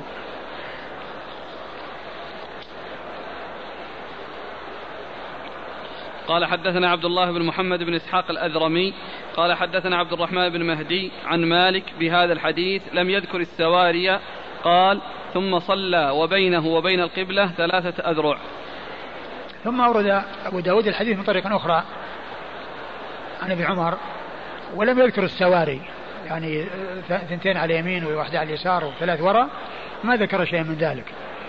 وقال إنه صلى وبينه وبين ليش؟ بينه وبين القبلة بينه وبين القبلة يعني بينه وبين الجدار. يعني جدار القبلة ثلاثة أذرع. لأنه يعني معناه أنه يعني متجه إلى جدار. ليس متجها للباب. والمقصود بالقبلة يعني الجدار الذي هو في قبلته. من الكعبة ثلاثة أذرع. وهذا الحديث هو الذي استدل به بعض أهل العلم على أن الإنسان إذا لم يكن له سترة فإنه يترك بينه الذي يمر يترك مقدار ثلاثة أذرع من قدمه ويمشي وراءها ويمشي بعد ذلك من وراءه من ورائها. لأن المصلي إذا لم يكن له سترة لا يحجز الذي مكان أمامه ولو كان طويلا وإنما من يريد أن يمر يترك مقدار ثلاثة أذرع ويمر. أخذا من هذا الحديث الذي هو كونه صلى الله عليه وسلم صلى بين عمودين وترك وبينه وبين القبلة ثلاثة أذرع. قال حدثنا عبد الله بن محمد بن إسحاق الأذرمي. عبد الله بن محمد بن إسحاق الأذرمي ثقة أخرجه أبو داود. والنسائي. أخرجه أبو داود والنسائي. عن عبد الرحمن بن مهدي. عبد الرحمن بن مهدي ثقة أخرجه أصحاب كتب الستة. عن مالك. عن مالك مر ذكره. قال حدثنا عثمان بن أبي شيبة قال حدثنا أبو أسامة عن عبيد الله عن نافع عن ابن عمر رضي الله عنهما عن النبي صلى الله عليه وآله وسلم بمعنى حديث القعنبي قال ونسيت أن أسأله كم صلى. ثم أورد أبو داود حديث ابن عمر من طريق أخرى وفيه أنه نسي أن يسأله كم صلى لأنه عرف أنه صلى وقال إنه صلى. يعني في ذلك المكان. نعم. قال حدثنا عثمان بن أبي شيبة. عثمان بن أبي شيبة مر ذكره. عن أبي أسامة. أبي أسامة حم أبو أسامة حماد بن أسامة. ثقة أخرج له أصحاب كتب الستة. عن عبيد الله. عن عبيد الله بن عمر بن حفص بن عاصم بن عمر. ثقة أخرجه أصحاب كتب الستة. عن نافع عن ابن عمر وقد مر ذكرهما. قال حدثنا زهير بن حرب. قال حدثنا جرير عن يزيد بن أبي زياد. عن مجاهد عن عبد الرحمن بن صفوان. قال قلت لعمر بن الخطاب رضي الله عنهما كيف صنع رسول الله صلى الله عليه وآله وسلم حين دخل الكعبة؟ قال صلى ركعتين. ثم ورد حديث عمر رضي الله عنه أن النبي صلى الله عليه وسلم لما دخل الكعبة صلى ركعتين. أنه صلى ركعتين يعني مقدار صلاته التي صلاها ركعتين. يعني معناه أنه لم يطول يعني في البقاء في الكعبة. نعم. قال حدثنا زهير بن حرب. زهير بن حرب ثقة أخرجه أصحاب كتب الستة إلا الترمذي. عن جرير عن جرير مر ذكره وابن عبد الحميد مر ذكره. عن يزيد بن أبي زياد. يزيد بن أبي زياد آه، آه، ضعيف أخرج له. البخاري تعليقا ومسلم. البخاري تعليقا ومسلم وأصحاب السنن. عن مجاهد. عن مجاهد وقد مر ذكره. عن عبد الرحمن بن صفوان. عن عبد الرحمن بن صفوان وهو يقال له صحبة وقال البخاري لا يصح. يقال له صحبة وقال البخاري لا يصح أخرج حديثه. أبو داود بن ماجه. أبو داود بن ماجه. عن عمر. عن عمر بن الخطاب رضي الله تعالى عنهما الصحابي الجليل آه ثاني الخلفاء الراشدين الهادي المهديين صاحب المناقب الجمة والفضائل الكثيرة رضي الله تعالى عنه وأرضاه. الحديث صححه الألباني. ما أدري يعني وش يعني وش وجه يعني له طرق ولا كذا. قال حدثنا أبو معمر عبد الله بن عمرو بن أبي الحجاج قال حدثنا عبد الوارث عن أيوب عن عكرمة عن ابن عباس رضي الله عنهما أن النبي صلى الله عليه وآله وسلم لما قدم مكة أبى أن يدخل البيت وفيه الآلهة فأمر بها فأخرجت. قال فأخرج صورة إبراهيم وإسماعيل وفي أيديهما الأزلام. فقال رسول الله صلى الله عليه وآله وسلم قاتلهم الله. والله لقد علموا ما استقسما بها قط. قال ثم دخل البيت فكبر في نواحيه وفي زواياه ثم خرج ولم يصلي فيه. ثم أورد أبو داود حديث ابن عباس أن النبي صلى الله عليه وسلم لما يعني دخل مكة لم يدخل الكعبة لأن فيها الأصنام حتى أخرجت منها وفيها صورة إبراهيم وإسماعيل يستقسمان بالأزلام. والأزلام هي كون آه، الإنسان إذا أراد أن يفعل شيئا آه، يكون هناك آه، وعاء فيه أزلام مكتوب على واحد افعل ومكتوب على الثاني لا تفعل والثالث غفل ليس فيه لا هذا ولا هذا. فالذي يريد أن يعمل عملا من الأعمال إذا أراد أن يعرف يعني هل يناسب أن يعمله أو لا يعمله يدخل يده في هذا ويحرك الأزلام التي فيه ثم يطلع منها واحد. إذا طلع افعل خلاص يقدم على الشيء الذي أراد أن يفعله. وإذا طلع جاء فيها لا تفعل ترك. وإن طلع الغفل أعاد الاستقسام مر مرة ثانية حتى يظهر له افعل أو لا تفعل. فالنبي صلى الله عليه وسلم لما يعني ظهرت الصور صورة إبراهيم وإسماعيل وهما يستقسمان. قال قاتلهم الله لقد علموا أنهما ما استقسما بالأزلام وأن هذا كذب. كذب وافتراء عليهما عليهم الصلاة والسلام. نعم. ثم دخل البيت فكبر في نواحيه وفي زواياه ثم خرج ولم يصلي فيه. ثم دخل البيت ثم دخل, دخل البيت وكبر في نواحيه وزواياه وخرج ولم يصلي. وخرج ولم يصلي. وال ال- و وهذا فيه نفي الصلاة. ولكن حديث ال- من هو الحديث اللي راح؟ حديث حديث عمر. حديث حديث ابن عمر. حديث ابن عمر أنه أثبت أنه صلى. وعمر كذلك أثبت أنه صلى. فدل على أن الصلاة ثابتة والمثبت مقدم على النافي. نعم. إيش؟ يعني كان طلب القسم. اي طلب القسم والحظ والنصيب. أو الشيء الذي قسم له. نعم. ها؟ إلا هذا عام الفتح. أقول هذا عام الفتح. وحتى الأحاديث التي قبله. نعم. الأحاديث التي حديث ابن عمر. التي أنه صلى. اي نعم. كذلك في عام الفتح؟ ما أدري. لا أدري. ما هذا عام الفتح لأن كون الأصنام فيها هذا عام الفتح. ثم أخرجت. قال حدثنا أبو معمر عبد الله بن عمرو بن أبي الحجاج. وبعض العلماء يعني آه يعني آه يجعل أو يستفاد من كلامه أن أن تلك الأحاديث في عام الفتح. وقال جمع بين الذي قال إنه صلى والذي قال إنه لم يصلي لأن ال آه، ال- الرسول صلى الله عليه وسلم يعني صلى يعني صلاة خفيفة وكان يعني كبر في النواحي وصلى. وبعض الصحابة يعني رأى هذه الصلاة الخفيفة الذي هو أسامة بن زيد الذي كان عنده وذاك يعني آه، كأنه لم يتنبه لهذه الصلاة الخفيفة لأنه انشغل بالتكبير والذكر والدعاء في ناحية من نواحي الكعبة. هكذا قال صاحب عون المعبود في التوفيق بين هذا وهذا حديث ابن عمر ما في لا يمكن أن جمع بين حديث ابن عباس في عام الفتح وحديث آه، هذا إذا عرف أن أن أن أن هذا الذي جاء في حديث ابن عمر أنه ليس يعني في عام عام الفتح وأنه في غير ذلك في حجة الوداع يمكن أن يقال أنه كذلك. وأما إذا كان أنها في عام الفتح فيكون ال- ال- ال- ال- التنافي يعني موجود.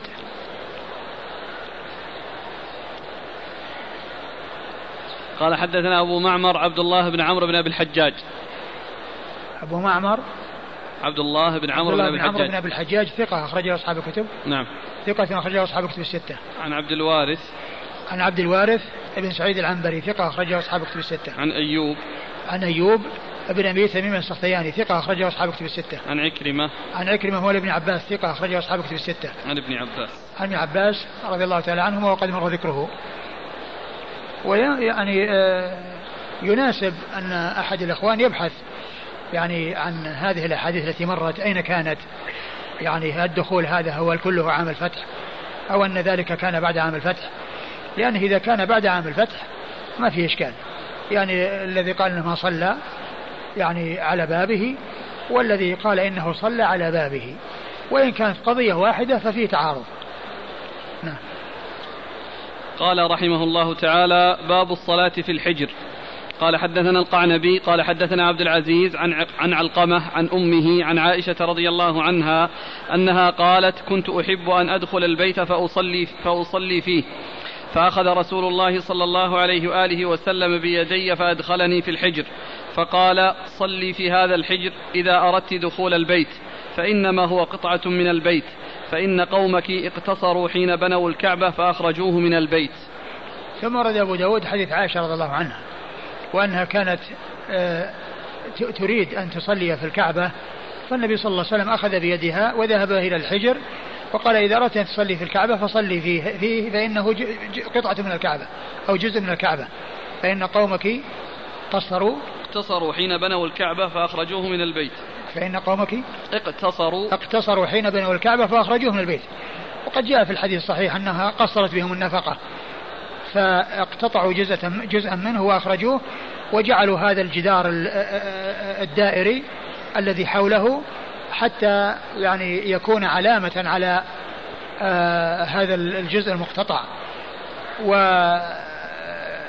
آه، في هذا دليل على أن الحجر وليس الحجر كله وإنما هو جزء كبير منه أنه من الكعبة وأن الصلاة فيه كالصلاة في الكعبة.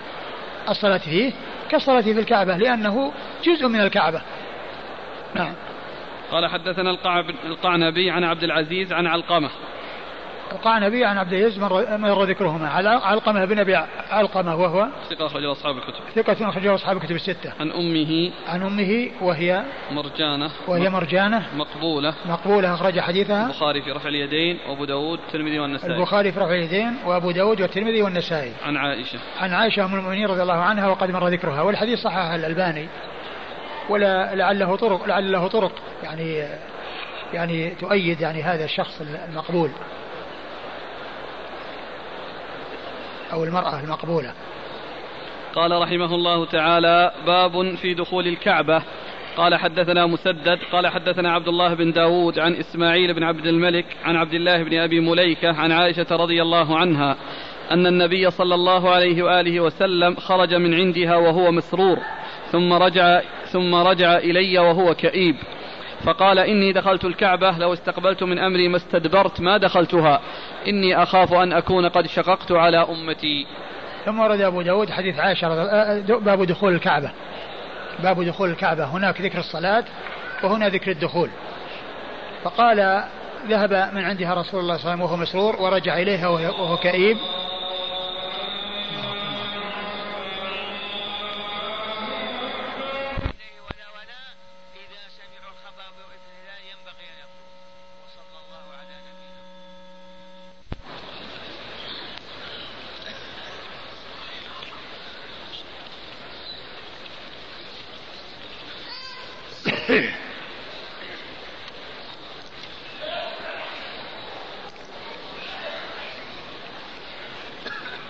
أورد أبو داود حديث عائشة رضي الله عنها أن النبي صلى الله عليه وسلم خرج من عندها وهو مسرور ورجع إليها وهو كئيب فقال لو استقبلت من أمري ما استدبرت ما دخلت الكعبة فإني أخاف أن أكون شققت على أمتي. نعم. إيش لفظه؟ نعم. إني أخاف أن أكون قد شققت على أمتي. إني أخاف أن أكون قد شققت على أمتي. يعني بحيث أنهم يعني آه، يحرصون على دخولها ويحصل آه، في ذلك مشقة عليهم. هذا هو المقصود من من, من الحديث. لو استقبلت من أمري ما استدبرت لما فعلت ذلك. والحديث ضعفه الألباني. نعم. قال حدثنا مسدد. مسدد بن مسرهد البصري ثقة أخرج حديث البخاري وأبو داود والترمذي والنسائي. عن عبد الله بن داود. عبد الله بن داود الخريبي وهو ثقة أخرج أخرج له البخاري وأصحاب السنن. نعم. أخرج له البخاري وأصحاب السنن. عن إسماعيل بن عبد الملك. عن إسماعيل بن عبد الملك وهو صدوق وهو صدوق كثير الوهم. صدوق كثير الوهم. أخرج البخاري في رفع اليدين. أخرج حديث البخاري في رفع اليدين. وأبو داود والترمذي وابن ماجه. وأبو داود والترمذي وابن ماجه. عن عبد الله بن أبي مليكة. عن عبد الله بن أبي مليكة عبد, عبد الله بن عبيد الله بن أبي مليكة ثقة أخرج له أصحاب الكتب الستة. عن عائشة. عن عائشة أم المؤمنين وقد مر ذكرها. الحديث ضعفه الألباني وفي هذا الرجل الذي هو كثير ألو... آه كثير الوهم. لا أدري هل التضعيف بسببه. قال حدثنا ابن السرح وسعيد بن منصور ومسدد قالوا حدثنا سفيان عن منصور الحجبي قال حدثني خالي عن أمي صفية بنت شيبة رضي الله عنها قالت سمعت الأسلمية تقول قلت لعثمان رضي الله عنه ما قال لك رسول الله صلى الله عليه وآله وسلم حين دعاك؟ قال قال إني نسيت أن آمرك أن تخمر القرنين فإنه ليس ينبغي أن يكون في البيت شيء يشغل المصلي. قال ابن السرح خالي مسافع بن شيبة. ثم ورد أبو داود حديث عثمان بن طلحة الحجبي رضي الله عنه أن النبي صلى الله عليه وسلم دعاه وكلمه فقال له فقيل له ماذا قال لك؟ قال إني نسيت أن آمرك أن تخمر القرنين. أن أني نسي إنني إني نسيت أن آمرك أن تخمر القرنين. فإنه ليس ينبغي أن يكون في البيت شيء يشغل المصلي. فإنه لا ينبغي أن يكون في البيت يعني شيء يشغل المصلي. والقرنان يعني قيل إنهما قرنان حقيقة حقيقيان. ولعل المقصود أنهما صورة قرنين يعني في الجدار في جدار الكعبة. يعني في داخل الكعبة. والرسول صلى الله عليه وسلم أمره أن يخمرهما يعني يغطيهما أن يغطيهما. والحديث صحح الألباني لكن فيه آه فيه المرأة الأسلمية لا يعرف يعني لا يعرف حالها. نعم. قال حدثنا ابن السرح. حدثنا ابن السرح وأحمد بن عمرو بن السرح. ثقة أخرج أخرج حديثه مسلم وأبو داود والنسائي وابن ماجه. وسعيد بن منصور. سعيد بن منصور ثقة أخرجه أصحاب كتب الستة. ومسدد عن سفيان. مسدد مر ذكره وسفيان هو بن عيينة ثقة أخرجه أصحاب كتب الستة. عن منصور الحجبي. عن منصور الحجبي وهو ثقة أخرجه أصحاب الكتب إلى الترمذي. ثقة أخرجه أصحاب الكتب الستة إلى الترمذي. عن خاله. عن خاله مسافع ابن عبد الله بن شيبة. مسافر بن عبد الله بن شيبة وهو ثقة أخرجه مسلم وأبو داود الترمذي. ثقة أخرجه مسلم وأبو داود الترمذي. عن صفية. عن صفية بنت شيبة وهي مختلف في صحبتها وحديثها أخرجه. أخرج أصحاب الكتب. أخرجه أصحاب الكتب. كيف يا شيخ؟ قال ما هو مختلف في صحبتها؟ لكن ثبت تصريحها بالسماع في صحيح البخاري. وش قال الحافظ التقريب؟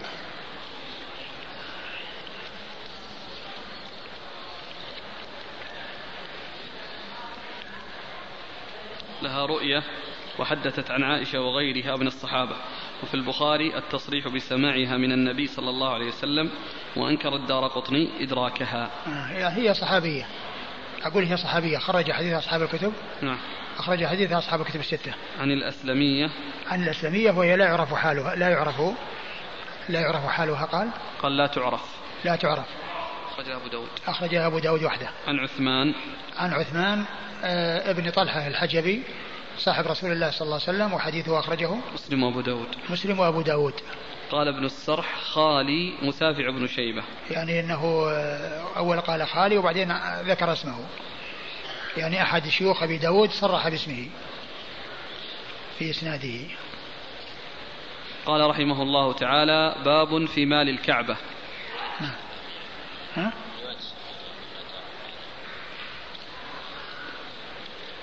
والله يعني يعني قد قد يكون يعني في الغالب أن يكون من الصحابة قد يكون صحابي وقد يكون وقد يكون غيره لكن الغالب أن يكون من الصحابة. ولعل هذا هو السبب الذي جعل الألباني يصحح الحديث. قال رحمه الله تعالى باب في مال الكعبة. قال حدثنا الصحابة يروون عن الصحابة كثيرا ويروون عن التابعين قليلا.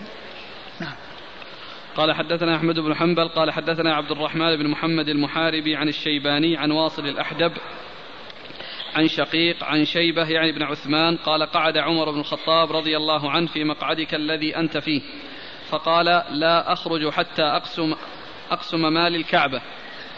قال قال قلت ما أنت بفاعل؟ قال بلى لأفعلن. قال قلت ما أنت بفاعل قال لما قلت لأن رسول الله صلى الله عليه وآله وسلم قد رأى مكانه وأبو بكر رضي الله عنه وهما أحوج منك إليه وهما أحوج منك إلى المال فلم يخرجاه فقام فخرج. ثم أورد أبو داود حديث عثمان. باب في مال الكعبة. باب في مال الكعبة. يعني المال الذي للكعبة وهو يعني ما يهدى إليها وما يعني آه، آه، يوقف لها. هذا يقال له مال الكعبة. والمقصود به المال الذي كان فيها موجودا من قبل. يعني قبل يعني أن يفتح النبي صلى الله عليه وسلم مكة يعني كان فيها فيها ذلك المال وتركه صلى الله عليه وسلم ولم يتعرض له.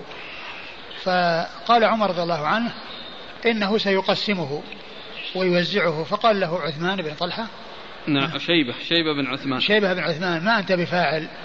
فقال فعاد قال لما؟ قال لأن النبي صلى الله عليه وسلم رآه وكانت الحاجة موجودة ومع ذلك ما ما فعل فيه شيئا فتركه عمر رضي الله عنه. لما ذكر لما ذكر له آه، ما يعني صنيع رسول الله صلى الله عليه وسلم فيه وأنه تركه. وهذا يدل على فضل عمر رضي الله عنه ونبله ورجوعه للحق. عندما يعلمه ويعرفه. وقيل إن مال الكعبة يعني إنه لا يوزع على الفقراء والمساكين لأنه شيء مخصص. والاوقاف إنما يقتصر فيها على الشيء الذي وقفت له. وقيل إن آه، السبب يعني في ترك ذلك إنهم كانوا حديث عهد بالجاهلية والنبي صلى الله عليه وسلم ما فعل ذلك خشية أن يكون يعني آه، في نفوسهم شيء مثل ما ترك هدم الكعبة وبنائها على قواعد إبراهيم كما جاء في حديث عائشة. وفيه ذكر مال فيه الكنز ذكر فيه كنز الكعبة ومال الكعبة وأنه يعني آه، وأنه تركه صلى الله عليه وسلم. نعم. قال حدثنا أحمد بن حنبل عن عبد الرحمن بن محمد المحاربي. عبد الرحمن بن محمد المحاربي لا بأس به أخرج حديثه. أصحاب الكتب. أصحاب الكتب الستة. عن الشيباني. عن الشيباني هو سليمان بن أبي سليمان أبو إسحاق ثقة أخرجه أصحاب الكتب الستة. عن واصل الأحدب. عن واصل الأحدب ثقة أخرجه أصحاب الكتب الستة. عن شقيق. عن شقيق بن سلمة أبو وائل ثقة أخرجه أصحاب الكتب الستة. عن شيبة يعني ابن عثمان. عن شيبة يعني ابن عثمان الحجبي وحديثه أخرجه. البخاري وأبو داود بن ماجه. البخاري وأبو داود بن ماجه. هنا قوله قال قعد عمر بن الخطاب رضي الله عنه في مقعدك. الكلام موجه إلى شقيق؟ كان شقيق. يخاطب شقيق. إيش شيء صحابي. يقول شيبة صحابي. اي نعم صحابي. قال رحمه الله تعالى باب قال حدثنا حامد بن يحيى قال حدثنا عبد الله بن الحارث عن محمد بن عبد الله بن إنسان الطائفي عن أبيه عن عروة بن الزبير عن الزبير رضي الله عنه قال لما أقبلنا مع رسول الله صلى الله عليه وآله وسلم من لية حتى إذا كنا عند السدرة وقف رسول الله صلى الله عليه وآله وسلم في طرف القرن الأسود حذوها فاستقبل نخبا ببصره وقال مرة واديه. ووقف حتى اتقف الناس كلهم ثم قال إن صيد وج وعظاه وعظاهه حرام محرم لله وذلك قبل نزوله الطائف وحصاره لثقيف. ثم ورد أبو داود باب وهو بدون ترجمة. وهذا قليل في استعمال أبي داود رحمه الله أنه يذكر الباب بدون ترجمة. وهو موجود عند البخاري يستعمله في مواضع كثيرة. والباب الذي يكون بدون ترجمة يكون كالفصل من الباب الذي قبله وله تعلق به ولكنه يميز عنه كما يميز الفصل أو الفصول التي تكون داخل الباب التي تكون داخل الباب. فهذا هو المقصود من ذكر الباب بدون الترجمة. والحديث يتعلق بمال الكعبة الباب الذي قبله. وأما هذا يتعلق بالتحريم. يتعلق بتحريم يعني وجه. وعدم يعني آه، قطع عظاهه شجرة. ووج هو واد بالطائف. والحديث غير صحيح غير ثابت عن النبي صلى الله عليه وسلم. وليس هناك شيء محرم إلا مكة والمدينة فقط. وما سواهما فإنه ليس هناك حرم سوى هذين الحرمين. الشريفين الحرم المكي والحرم المدني. ولو صح يمكن أن يكون ذلك يعني حمى وأن يكون يعني منع منه في وقت معين. ولكن الحديث غير صحيح وغير ثابت عن رسول الله صلى الله عليه وسلم. حديث من هو؟ الزبير. حديث الزبير بن العوام رضي الله عنه. نعم والإسناد قال حدثنا حام المتن نقرأ قال لما أقبلنا مع رسول الله صلى الله عليه وآله وسلم من لية حتى اللية يعني مكان معين معروف عندهم. نعم. حتى إذا كنا عند السدرة وقف رسول الله صلى الله عليه وآله وسلم في طرف القرن الأسود حذوها. والقرن الأسود قيل أنه جبل صغير أكمة صغيرة. نعم. فاستقبل نخبا ببصره. يعني نخبا هو قال واديا واديا. نعم. نعم. وقال مرة واديه. نعم. ووقف حتى اتقف الناس كلهم. وقف حتى اتقف الناس يعني حتى وصل الناس ووقفوا معا. واتقف يعني قالوا هو مطاوع وقف. وقف فاتقف. نعم. ثم قال إن صيد وج وعضاهه حرام محرم لله. وجه واد بالطائف. نعم. وذلك قبل نزوله الطائف وحصاره لثقيف. نعم. قال حدثنا حامد بن يحيى. حامد بن يحيى هو؟ ثقة أخرجه أبو داود. ثقة أخرجه أبو داود. عن عبد الله بن الحارث. عن عبد الله بن الحارث ثقة؟ نعم أخرج له مسلم وأصحاب السنة. أخرجه مسلم وأصحاب السنة. عن محمد بن عبد الرحمن بن عبد الله بن إنسان الطائفي. محمد بن عبد الله بن إنسان بن إنسان الطائي وهو وهو لين وهو لين أخرج له أبو داود. أبو داود. عن أبيه وهو أيضا لين. أخرج له أبو داود. عن عروة بن الزبير. عن عروة بن الزبير بن العوام ثقة فقيه أحد فقهاء المدينة السبعة في عصر التابعين وحديثه أخرجه أصحاب الكتب الستة. عن الزبير بن العوام رضي الله عنه صاحب رسول الله صلى الله عليه وسلم وحديثه أخرجه. أصحاب الكتب. وحديثه أخرجه أصحاب الكتب. والله تعالى أعلم وصلى الله وسلم وبارك على عبده ورسوله نبينا محمد وعلى آله وأصحابه أجمعين. البارحة يا شيخ آخر سؤال تذكرونه. وهو؟ الحكم بغير ما أنزل الله. إذا حكم في مسألة واحدة نعم. فهل يعد ذلك كفرا أم لابد أن يقرر القوانين في جميع شؤون الحياة؟ فكنت سمعت منكم كلمة لا فرق وما فهمت ما بعدها. الاستحلال لا فرق فيه بين مسألة واحدة ومسائل كثيرة. الاستحلال إذا استحل الحكم في غير ما أنزل الله ولو في مسألة واحدة فإنه يكفر. إذا كان استحلال. وأما إذا كان غير استحلال فلا فرق بين الواحدة والأكثر.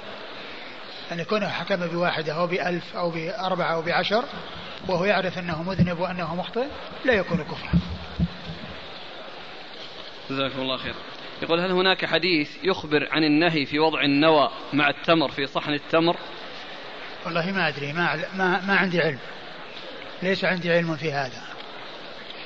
ولكن لا شك أن وضع التمر مع النوى في, في مكان واحد وفي ما هو طيب لأن الشيء الذي مضغ كونه يعني يوضع مع الشيء الذي يؤكل يعني هذا يعني ما يجعل النفوس ترغبه وتشتهيه.